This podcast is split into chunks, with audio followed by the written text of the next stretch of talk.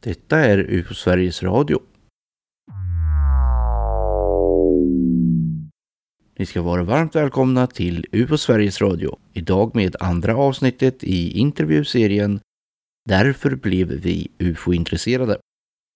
Serien innehåller ett antal kortare samtal med UFO Sverige-medlemmar. Vissa sitter i styrelsen, andra gör det inte. Hör gärna av er till UFO Sverige om du vill dela med dig av ditt möte med det okända. I dagens avsnitt samtalar jag, Tobias Lindgren, med Kent Cederborg, Mikael Karlsson och Johan Fagervall. Mycket nöje!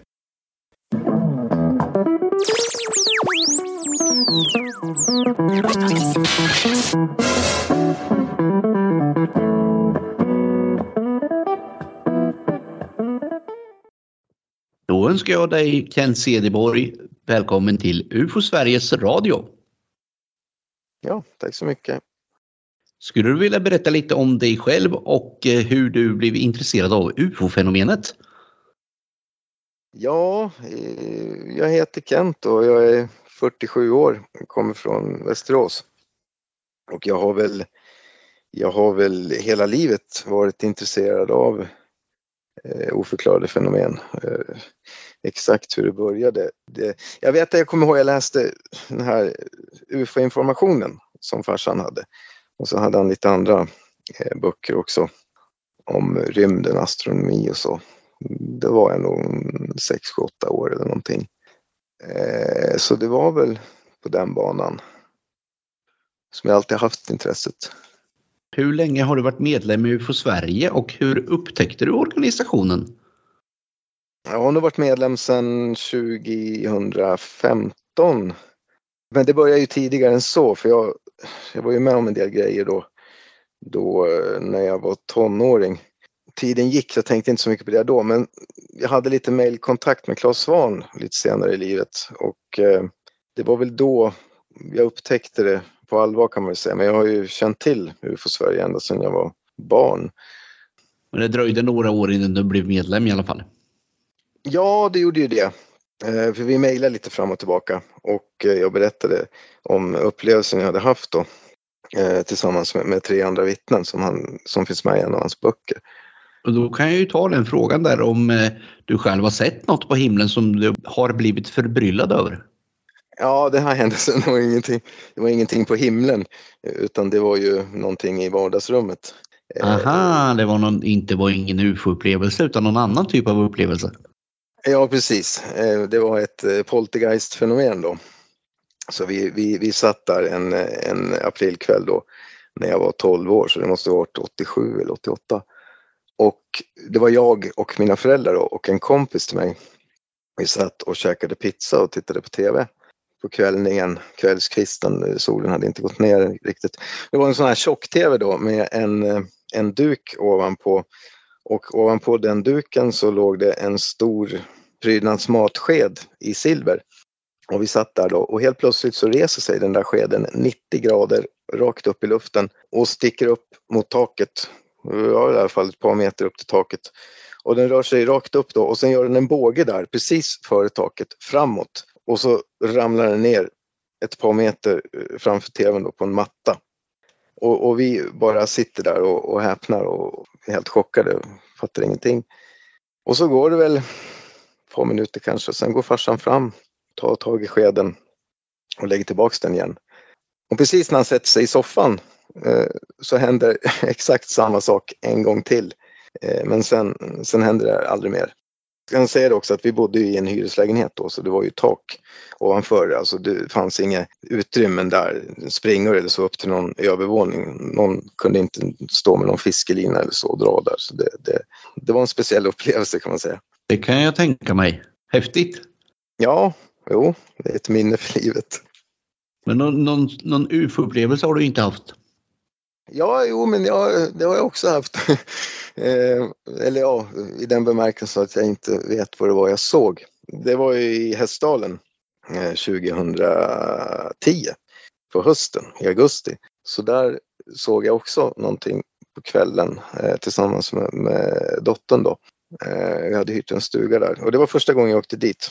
Eh, och det var ju liksom bara lite på skoj som man åkte dit men ja, på kvällen, precis när vi hade kommit dit då, skulle vara där en natt, så gick vi ut och tittade ute vid Hästsjön. Vi har hyrt en stuga där då. Och jag och dottern stod där ute på altanen när hon pekar upp helt plötsligt. Jag tittar ut över sjön och hon tittar till vänster upp mot eh, ett berg och en liten sänka som går ner med, med trädtopparna i höjd med ögonhöjden nästan. Och vad är det där säger hon, titta där. Och så vänder jag mig om och så får jag se eh, precis ovanför trädtopparna där då i, i ögonhöjd så, så rör det sig ett klot storleks som fullmånen ungefär och det är helt runt och det rör sig från vänster till höger då i en rak bana men i en ganska långsam hastighet. Medan det rör sig så, så skiftar det färg. Gult går in i grönt, går in i orange, går in i blått. Och sen helt plötsligt stannar det upp. Det har rört sig i kanske 10-15 sekunder. Jag hade min dåvarande sambo med mig också då. Och det ser ut som att det stannar upp och som att det roterar på plats. I det ögonblicket så öppnar jag altandörren och säger åt henne, kom ut. Jag vet inte hur lång tid det tar där, men det kanske tar fem sekunder eller något. Och så kommer jag ut igen, då, då är det borta. Nej. Och, äh, ja, men äh, ungefär tio sekunder efter då, vi står där ute, hon såg ju såklart ingen sambon då. Då låter det precis som hundratals fåglar kvittra samtidigt från den riktningen där det försvann. Och sen blir det helt knäpptyst och de kvittrar kanske i 10-20 sekunder. Och så blir det helt knäpptyst i ungefär lika lång tid. Och sen helt plötsligt så bara börjar de kvittra igen. Lika lång tid. Och sen blir det tyst igen. Och, och, och, så, och så händer inget mer. Jag satt uppe hela natten och kollade ut genom fönstret men, men med kamera och alltihopa. Jag hade ju såklart inte kameran med mig ut där på altanen då. För vi hade precis kommit dit till stugan. Ja, och det hände inget mer sen under vistelsen. Nej, nej, det gjorde det inte. Det var den där grejen alltså? Ja, men det var tillräckligt. Absolut. Var det ett typiskt eh, Hästdalen-fenomen alltså? Ja, nu har inte jag läst så jättemycket om Hästdalen men eh, jag har hört att, att... Det är väl det där med ljudet då som jag inte känner igen riktigt. Men du märker, såg du några fåglar eller? Nej, jag såg inga fåglar. Men som det lät så borde, jag, borde det ha varit en jäkla massa fåglar. Ja, ja. Jag. Men jag såg dem inte. Spännande. Ja, det var intressant. Vad tycker du är bra med UFO Sverige? Ja, det är ju det är väldigt mycket framförallt objektiviteten, att vi undersöker det här på ett vetenskapligt sätt. Men också gemenskapen såklart och, och att alla ställer upp och hjälper varandra. Om du skulle ge en vision av UFO Sveriges framtid, hur skulle den då se ut i din värld? Med dörrknackning i intressanta områden som eh, Hästdalen då till exempel. Där vet man ju att det har hänt saker. Ja. Så, så det är mera forskningsprojekt? Ja visst, jo men vi vet ju också från tidigare sådana projekt att, eh, att det är väldigt många, många människor som har upplevt saker och ting som de inte kan förklara. Vi pratar kanske 10 procent, uppåt en miljon potentiella. Ja, man kan undra varför de sitter inne med sina berättelser. Ja, verkligen. Vilket är det mest intressanta ufo-fallet enligt dig? Eller ska man säga komplex eller fenomen eller sådär? Det behöver inte vara jo, ett alltså fall, jag, det finns ju fler. Jag är ju, Ja, jo, men, men det är ju det är intressant i Hästdalen för det har inte fått någon officiell säker förklaring vad det är folk ser där. Så, så det är intressant, men, men eh, en annan intressant plats, det lilla jag läst om det, det är Nävsjön. Det verkar vara en intressant plats. Det verkar ha hänt en hel del där genom åren, precis i, Sörmland. Är du en talare, lyssnare eller läsare? Ja, men jag tror att alla har vi väl lite av alla eller alla har vi väl alla de här egenskaperna i olika omfattning. Men eh, det är ju alltid en som dominerar lite kanske då och jag skulle väl säga läsare då, läsare skulle jag säga. Ja, har du någon favorithypotes när det gäller ufo-fenomen? En bra fråga. Jack Wallé har jag läst lite grann av. Jag vet inte, jag tror att det finns många förklaringar. Inte bara en förklaring. Men om vi pratar om det äkta, genuina ufo-fenomenet. Ja, de här allra märkligaste händelserna. Ja, som uppvisar en, ett intelligent beteende också. Så, så, så, alltså bortom våran teknik, om man, om man tänker så. Då, då eh, tror jag väl min hypotes ligger närmast att det handlar om någon form av jag tror inte på det här fysiska, liksom att, att man färdas över långa avstånd i universum sådär va. Eh, för då måste man ju färdas nästan med tankens hastighet, för det är så stora avstånd. Det räcker inte med ljuset, det räcker inte så långt. Jag tror mer det handlar om inbrytningar i så fall från, från någon form av olika dimensioner. Har du och din omgivning samma uppfattning om din världsbild? Delvis. Delvis. Ja, men det är ingen som går omkring och missförstår dig på något sätt vad det gäller hur du tycker och tänker? Nej, det, det tror jag inte. Vem eller vad skulle du vilja höra om i UFO Sveriges Radio framöver? Jo, men det skulle vara intressant om man får önska vad som helst då. Före detta militär med insyn i radarsystemet. Den tar jag till mig. Det är ju inte säkert att allting kan realiseras men man kan ju göra ett försök. För det är, jag tänker framförallt på de här spökraketerna och, och, och lite sånt. Hjalmarsson, det fångades ju på radar. Ja, jaktpiloten där över Öland och Gotland som jagade någonting som for ut i, i rymden. Ja, och stack rakt upp ja. Skulle du vilja lägga till något här innan vi avslutar? Eh, kanske en fråga eller en rekommendation till lyssnarna? Ja, om du är nyfiken på oförklarade fenomen eh, så gå gärna vår fältundersökarkurs som vi har varje år på hösten då, i oktober. Då får jag tacka dig Kent Cederborg för din medverkan i UFO Sveriges Radio. Ja, tack så jättemycket. Det var trevligt.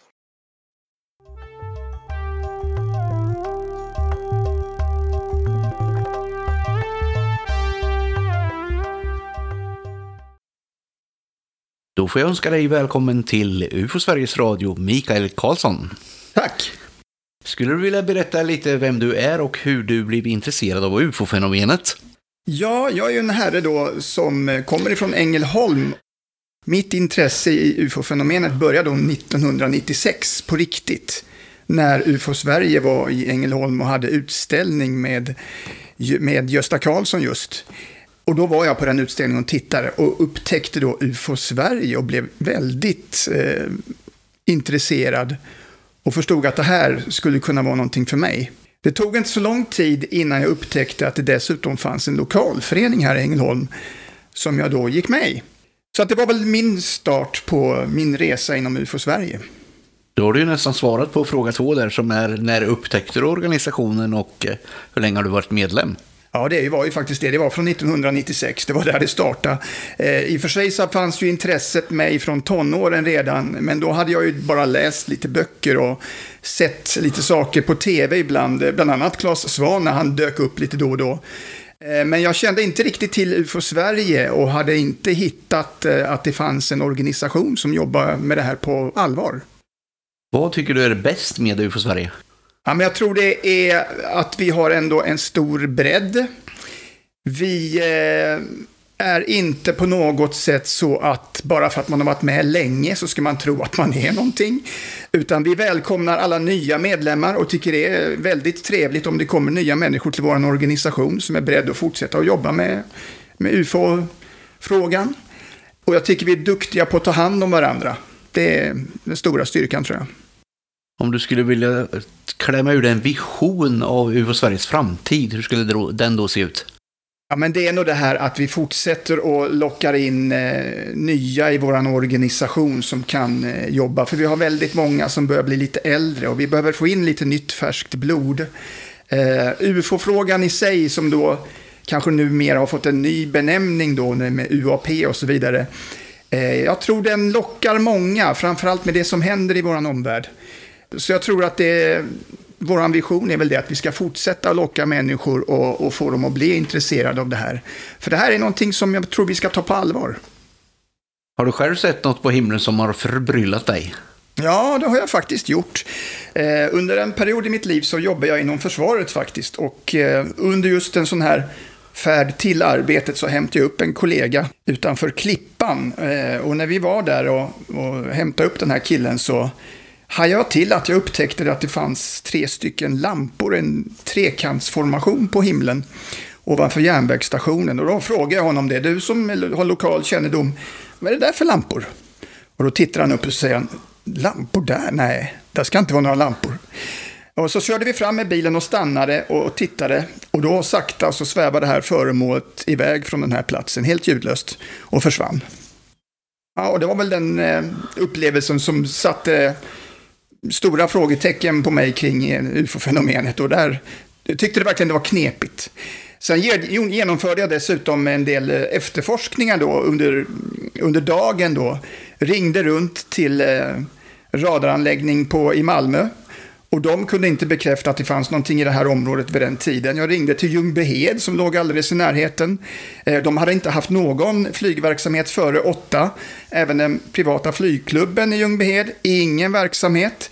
Så jag fick faktiskt ingen eh, möjlig förklaring till vad vi hade sett. Och eh, det roliga var att när jag ringde och pratade med dem i Malmö så sa de, du kanske har sett ett UFO, vill du rapportera till UFO Sverige? Så där dök faktiskt UFO Sverige upp hos den eh, radaroperatören som satt där och det var lite kul. Det blev lite rundgång där alltså? Jaha, det blev lite så ja. Ja, Precis. jag råkade ju själv ut för rundgång en gång när jag ringde till, till Bromma och snackade om ufo-ballonger. Jag frågade ju. Och då sa de att nej, men jag har ett nummer till en kille som kan någonting. Eller till en förening kanske de sa. Och då fick jag tillbaka mitt eget nummer. Ja. så kan det ju vara. Så kan det vara. Vilket är det mest intressanta ufo-fallet enligt dig? Jag brukar ju egentligen också för, utöka frågan lite till kanske fenomenkomplex. Så att det blir lite bredare, eller något, något som man favoriserar. Så. Ja, men det som jag lockades av, framförallt när jag var lite yngre, det var ju det här när man läste om Barney och Betty Hill, det de hade råkat ut för. Och de här eh, bortföranden som, som följde med det här. Och det där är ju liksom ett komplex som jag tycker är lite intressant. Men samtidigt väldigt svårt att, att verkligen sätta fingret på vad som egentligen händer med folk. Om de verkligen blir bortförda eller om det är någonting annat som händer. Men jag tycker det är väldigt intressant, eh, hela komplexet faktiskt. Det är lite av ett USA-fenomen väl? Eller ja, man kan väl säga det. Man har ju inte hört så många liksom i Sverige, men det har ju dykt upp någon, en och annan, men det är ju väldigt ovanligt. Är du en talare, läsare eller lyssnare? Ja, jag är nog lite av varje. Jag tycker om att läsa, jag tycker om att lyssna, framförallt på UFO Sveriges podd. Den är väldigt bra. Sen har jag ju fått vara med på flera av våra kurser och nu senast fick jag ju prata lite grann om FUF-gruppen, Fältundersökarforumet, där jag är lite ansvarig för. Eh, och jag tyckte det var rätt kul att få berätta lite grann kring eh, just den. Så att, mm, jag tycker det är kul att få vara med och dela med sig av sina erfarenheter och så. Har du någon favorithypotes när det gäller ufo-fenomenen?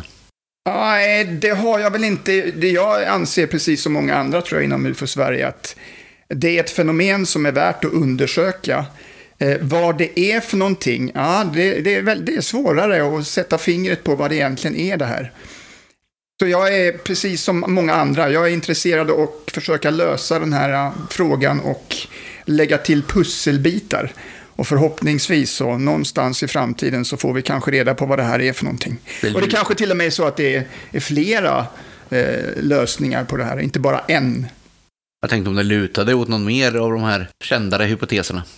Nej, jag tror eh, att man måste eh, se med en större bredd på det här. Det, det, är nog inte bara så att det är besök utifrån eller så, utan jag tror det, är, det kan vara mer komplicerat än så faktiskt. Finns det några andra märkliga fenomen som intresserar dig förutom själva ufona? Ja, vi har ju en förmån att vi samlar ju in material även om eh, spökfenomen och likadant om eh, naturväsen. Och det där är någonting som jag har faktiskt varit med om att eh, intervjua en person i, direkt i första hand eh, och prata just kring en upplevelse om ett möte med en tomte eller vette. Och det där var ju väldigt eh, roligt och spännande att höra från någon som verkligen har upplevt någonting och som på fullt allvar menar att ja, men det här har hänt. Och eh, han hade dessutom en hund med sig som reagerade på den här eh, lilla tomten och vätten. Så det där tycker jag är någonting som är intressant att, lyssna på och försöka ta reda på mer omkring. Har du och din omgivning samma uppfattning om din världsbild? Ja, jag har ju två grabbar och de tycker väl att ja, de tycker det är intressant och spännande, men de Ja, de har själva ingen direkt eh, åsikt kring ufo-fenomenet. Men de håller ju med om att det vore ju helt vansinnigt om det inte är så att det finns andra världar där ute i universum eftersom det är så oerhört stort. Eh, sen tycker de det verkar lite konstigt om de hade haft möjligheten att komma hit kanske. Men eh, de är väl övertygade i alla fall om att eh, så måste det nog vara. Liv eh, uppstår nog på fler platser än vad vi tror. Så de är, håller med mig om det i alla fall kan jag ju säga. Men jag tänker i stort, så här, allmänna kompisar och vänner och sånt runt omkring, de förstår dig. De flesta är nog ändå tycker att ja, men det är bara roligt och spännande att höra när jag berättar saker. en och annan delar väl min uppfattning. Min bror till exempel, han är ju också här från Ängelholm och varit med ute och tittat på ufo-fenomenet och hört berättelsen om Gösta och en del andra sådana här saker. Och han tycker ju också det är spännande och håller med om att ja, men det här är kul att höra och undersöka och ta reda på mer och läsa lite grann. Men mer än så är det inte för honom. Han är inte intresserad av att gå med i föreningen tyvärr. Vem eller vad skulle du vilja höra om i UFO Sveriges Radio framöver? Ja, vi har ju en kille i Blekinge, Rickard Svensson, som också eh, har en sida, eller har på YouTube gör en del grejer. Han kallar sig The Lone Animator. Eh, och han gör ju stop motion-filmer. Han är också dessutom väldigt duktig på att rita och måla och sådär och gör en hel del bilder, just bland annat till UFO Aktuellt och sådär. Eh, och även skriver en del också i UFO Aktuellt. Och det där är en kille jag tycker hade varit roligt att höra hur han eh, ser på UFO-fenomenet och hur hans resa har sett ut inom UFO-Sverige.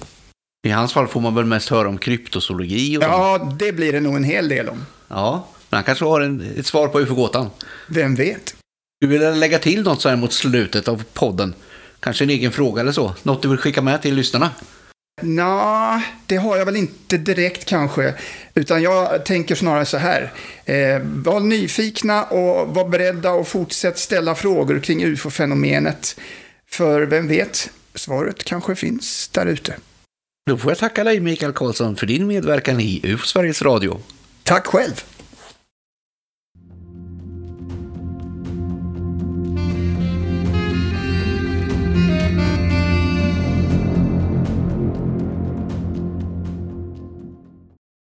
Då önskar jag dig varmt välkommen till UFO Sveriges Radio, Johan Fagervall. Tack, tack så mycket. Roligt att få vara med här. Skulle du vilja berätta lite om dig själv och hur du blev intresserad av UFO-fenomenet? Ja, jag kommer eh, uppifrån Luleå och eh, bor nu i Nyköping. Jag jobbar på biblioteket. Jag blev egentligen så... Jag har varit intresserad av UFO-fenomenet nästan så långt jag kan minnas. För att jag, jag kommer ihåg när jag var liten och, och uh, läste i en bok som min storebror hade där hemma som handlade om det okända och sådär. jag kommer ihåg att jag läste i den med liksom lite motvilligt för att jag blev så skräckfylld av det jag läste i den. Men jag var väldigt fascinerad. Men sen på allvar kom mitt intresse vaknade på allvar i samband med X-Files i början av 90-talet. Det var så jag verkligen blev, blev fast så att säga. Och då, då var jag i tonåren. Så det, var, det var så jag började läsa allt jag kunde komma över och jag var mycket på biblioteket och lånade böcker och sådär. Och, och sen även på internet som ju började komma då. Så jag var runt surfade på ufo-hemsidor och så. Ja, hur länge har du varit medlem i UFO Sverige och hur upptäckte du organisationen? Jag har varit medlem sen, jag tror att det blir sen 2017. Jag upptäckte organisationen, det var redan tidigt, jag tror att det var på 90-talet också. Jag tror bara att jag, jag kom nog över UFO-aktuellt först. Jag tror att det var via UFO-aktuellt som jag upptäckte UFO Sverige för att jag var också där när jag blev intresserad på 90-talet så var jag på fanns en tidningsaffär i Luleå där man kunde köpa många olika tidskrifter. Bland annat UFO Magazine men även UFO Aktuellt. Så jag tror att det var, det var, nog, det var nog så jag upptäckte UFO Sverige, via UFO Aktuellt helt enkelt. Men det tog alltså många, många år innan du gjorde slag i saken och blev medlem? Ja, det stämmer. Jag, jag var i kontakt med Claes Svahn faktiskt då när jag redan då på 90-talet men sen så hände det någonting. Jag, blev, jag, blev, jag var väldigt engagerad i UFO-fenomenet. Jag läste allt jag kom över och så. Och så kände jag att det blev för mycket. Jag kände att jag... Ja, men det började kännas obehagligt och så. Jag kände att det, jag behövde nog ta en paus egentligen för att det, ja, men det, det, kan ju vara ett skrämmande ämne också. Och så. Och jag kände att det påverkade mig negativt så att jag var tvungen att ta ett kliv tillbaka och sen så så var jag borta ganska många år. Jag var väl lite intresserad sådär allt men det var först sen då 2017 i samband med uh, på Armémuseum så var det en UFO-mässa och uh, då var jag på den med några vänner och det var i samband med det som jag återupptog mitt intresse. Så, där. så, så det var därför det dröjde så länge. Då hade den här obehagskänslan krypit undan lite? Mm. Ja, det hade den för att jag... Ja, jag vet inte. Jag tror att jag var ju ganska ung då. Jag var ju tonåren så jag var ju ganska känslig och sådär också. Så att, eh, nej, det, den obehagskänslan har nog försvunnit. Även om vissa fall kan vara lite skrämmande och så, så är det inte alls på samma sätt som jag kände då i 90-talet. Liksom. Så, att, så nej, det, det, det, det obehaget har försvunnit. Vad bra. Ja. Vad tycker du är bra med UFO Sverige? Eh, jag tycker det som är bra är att UFO Sverige är seriösa och att de eh, representerar eh, ungefär mitt eget synsätt på saken. Att det finns ett okänt fenomen men vi vet inte vad det är och att UFO Sverige inte har låst fast sig vid någon enskild hypotes utan är öppen för alla hypoteser så att säga. Och det är väl det och sen också att det, de som man träffar genom Sverige är väldigt snälla och, och trevliga människor och så. Så det är också en av de bästa sakerna med, med föreningen. Nu när du tog upp det där med hypoteser måste jag fråga om favorithypotes. Är det något du ligger inne med? Ja, jag har väl lite grann så. Jag, jag är lite påverkad av Jacques Vallée och John, John Keel att, eh, att, att det är någon slags fenomen som har följt oss genom alla tider och så. Att det, att det är att den här historien om trollen och älvorna och så, att det på något sätt beskriver samma fenomen men med, med dåtidens språk så att säga. Att, att det finns en kärna av sanning i, i de här gamla historierna om trollen och bergtagen och så här. Att det, nu så tolkas det som utomjordingar istället med man blir bortförd och så. Men att det egentligen är ett och samma fenomen som, som egentligen följer oss och som kan ta olika gestalter och som, som egentligen kanske, kanske inte egentligen ser ut som vi och är och har, ja men som inte är lite som vår materiella värld utan kanske representerar någonting annat. Det manifesterar sig lite ut efter vår tid. Ja, precis och att det, det kanske också är beroende av den som ser, ser det och observerar det på något sätt att det kan, det kan eh, också färga hur det manifesterar sig. Och jag tror också att det, det här är eh, ett fenomen som kanske också driver med oss och kanske gör saker som vi som, som det är meningen på något sätt att vi ska tolka på ett visst sätt. Men egentligen så finns det inget syfte med hur de, vad de gör utan de, de bara skojar med oss eller, eller så. Jag tycker därför det finns så många bisarra aspekter av fenomenet som, som är svåra att förstå och, och som, som inte verkar logiska. Om du skulle vilja ge en vision av UFO Sveriges framtid, hur skulle den se ut då i din värld? Eh, jag tror att eh, det skulle vara kanske att UFO Sverige knyter till sig forskare av olika, inom olika ämnen. Att det kan bli, att det blir liksom någon slags vetenskapsråd av något slag eller så i kombination med som det är nu där med vanliga privatpersoner som är medlemmar och att det blir ja, någonting i den stilen. Och kanske också journalister och ja, alla möjliga olika ämnen och så. Med, ja, akademiska ämnen och så, att det är forskare och ja, någonting i den stilen. Det låter intressant, det vill man ju vara med om. Ja. Har du själv sett något på himlen som har förbryllat dig? Eh, jo, det, det, det, har jag, fast inget som i efterhand har visat sig vara något okänt eller så. Men jag... I stundens hetta var det häftigt. Ja, ja, precis. När jag var yngre så blev jag väldigt skrämd av... Jag tror att det kan ha varit planeten Venus. Jag kommer ihåg att jag satt uppe en natt och, vid datorn, som jag ofta gjorde på den tiden och eh, såg det här ljuspricken och, och verkligen blev livrädd och trodde att, att det var någonting något okänt som var på väg. För att, för att ta mig på den tiden så var min favorithypotes utomjordingar så att jag tänkte att det skulle vara, vara utomjordingar nu eller någonting som var i farten. Och jag kunde som inte förstå, den hängde där och sen kollade jag senare. Den var kvar, men hade flyttat sig något. Och sen i efterhand så förstår jag att det var en planet. och nu har du full koll på vart Venus befinner sig? Väderstrecken har jag inte i huvudet, men jag vet att den är synlig i skymningen och, och så. Och sen går den ner lite senare på kvällen, natten. Ja, har man bra väder så är den ju väldigt trevlig att titta på just nu. Ja, precis. Ja, det, jag ser den nästan varje kväll när det är klart väder. Så det är fint. Vilket är det mest intressanta ufo-fallet enligt dig? Alltså det som jag tänker på så här på rak arm, det är det här fallet som hände i, jag tror att det var i USA. En man, han var ute med sin vän, jag tror att de var ute för att jaga och sen så kom de ifrån varandra.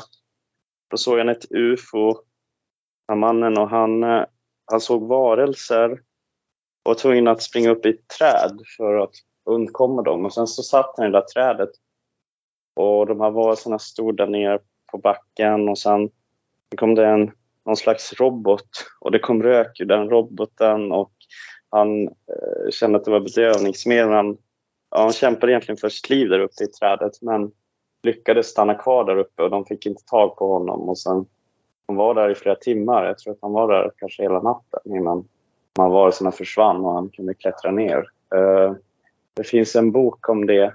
Vad är det den heter nu? Jag tror att den heter något med Aliens in the Forest eller något sånt. Vi har ju gjort ett avsnitt i på Sveriges Radio om det här fallet som vi kallar för en anonym klassiker.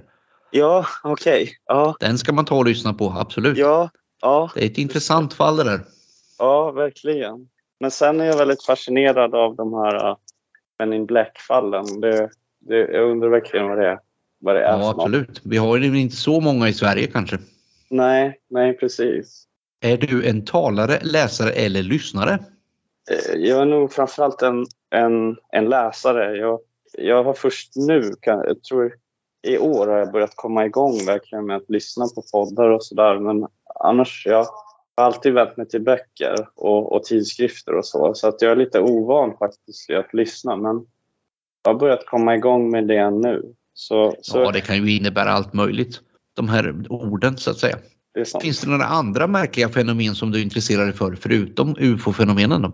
Ja, jag är fascinerad av Bigfoot och eh, men egentligen paranormala fenomen över, överhuvudtaget. Och jag tror att det finns en koppling mellan, mellan ufo och paranormalt. Jag tror, att det, jag, jag tror inte att det är jag tror inte att ufon är utomjordingar. Även om jag är öppen för det så tror jag inte att det är det. För att det, det finns så många bisarra aspekter av, av fenomenet som inte riktigt passar in på att det skulle vara några forskare från en annan planet som kom hit. Utan, men därför så tror jag att ufo och paranormalt egentligen hänger ihop. Att det är, en, att det är manifestationer av samma fenomen egentligen. Så att jag, jag är intresserad av andra ämnen eller andra, andra märkliga fenomen men jag tror att de på något sätt också är en del av samma fenomen som ufo. Har du och din omgivning samma uppfattning om din världsbild? Alltså om de delar min världsbild eller om... Nej, jag tänker mig om, om, om folk förstår sig på dig. Att de inte går omkring och tror något annat än, eh, än vad som ja. är verklighet. Eh, jag tror att de... Jag, jag, känner lite olika. Vissa, vissa har väl kanske tycker att det här är lite knasigt och sådär. Men, men sen är det många som, jag känner många som kanske inte är så intresserade av själva ämnet och så, men som ändå är öppna för att det det finns och så som kanske också är fascinerade av att jag är fascinerad av det och sådär. Men jag, jag tror inte att det är någon som tror att jag är tokig i alla fall. Vem eller vad skulle du vilja höra i UFO Sveriges Radio framöver? Om man fick drömma stort så det skulle vara kul att höra Jacques Vallée i UFO Sveriges Radio. Eller Ross Coulthart. Ja, det vore något. Ja, annars så... Jag vill, höra, jag vill nog höra mer om mer, fler fall helt enkelt. Och, och kanske speciellt sådana bisarra fall som är svårbegripliga på något sätt och förstå ens vad syftet kan vara med att ja, men någon har sett något och någon varelse har betett sig på något sätt eller någonting. Att förstå syftet med den manifestationen, att det är svårt att förstå det. Så någonting i den stilen. Ja, vi har ju en liten serie som vi kör som heter Med hög märklighetsfaktor. Ja, precis. Ja, just det. Jo, men det, det Där försöker vi hitta de konstigaste grejerna. Skulle du vilja lägga till något så här mot slutet innan vi avslutar? Kanske skicka med någonting till lyssnarna eller så? Ja, alltså det, det är väl eh, kanske att uh, vara, vara öppna för att den här världen kanske inte är riktigt som vi tror att den är. Ja. Kanske man ska gå med UFO Sverige också? Ja, absolut. Men det nu lägger jag orden i munnen på det, det var inte meningen. Nej. Ja, men det, det kan jag också, absolut. Då får jag tacka dig Johan Fagervall för din medverkan i UFO Sveriges Radio. Ja, tack själv. Tack för att jag fick vara med.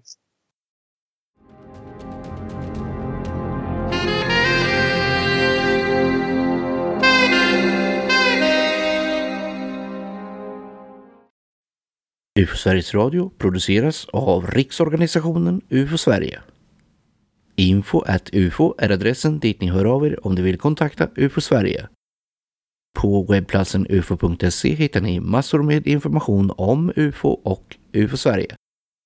Just nu finns också mängder med information om 2023 års riksstämma som hålls i Västerås den 20 maj. Till slut säger jag håll ögon och öron öppna så hörs vi snart i en podd nära dig.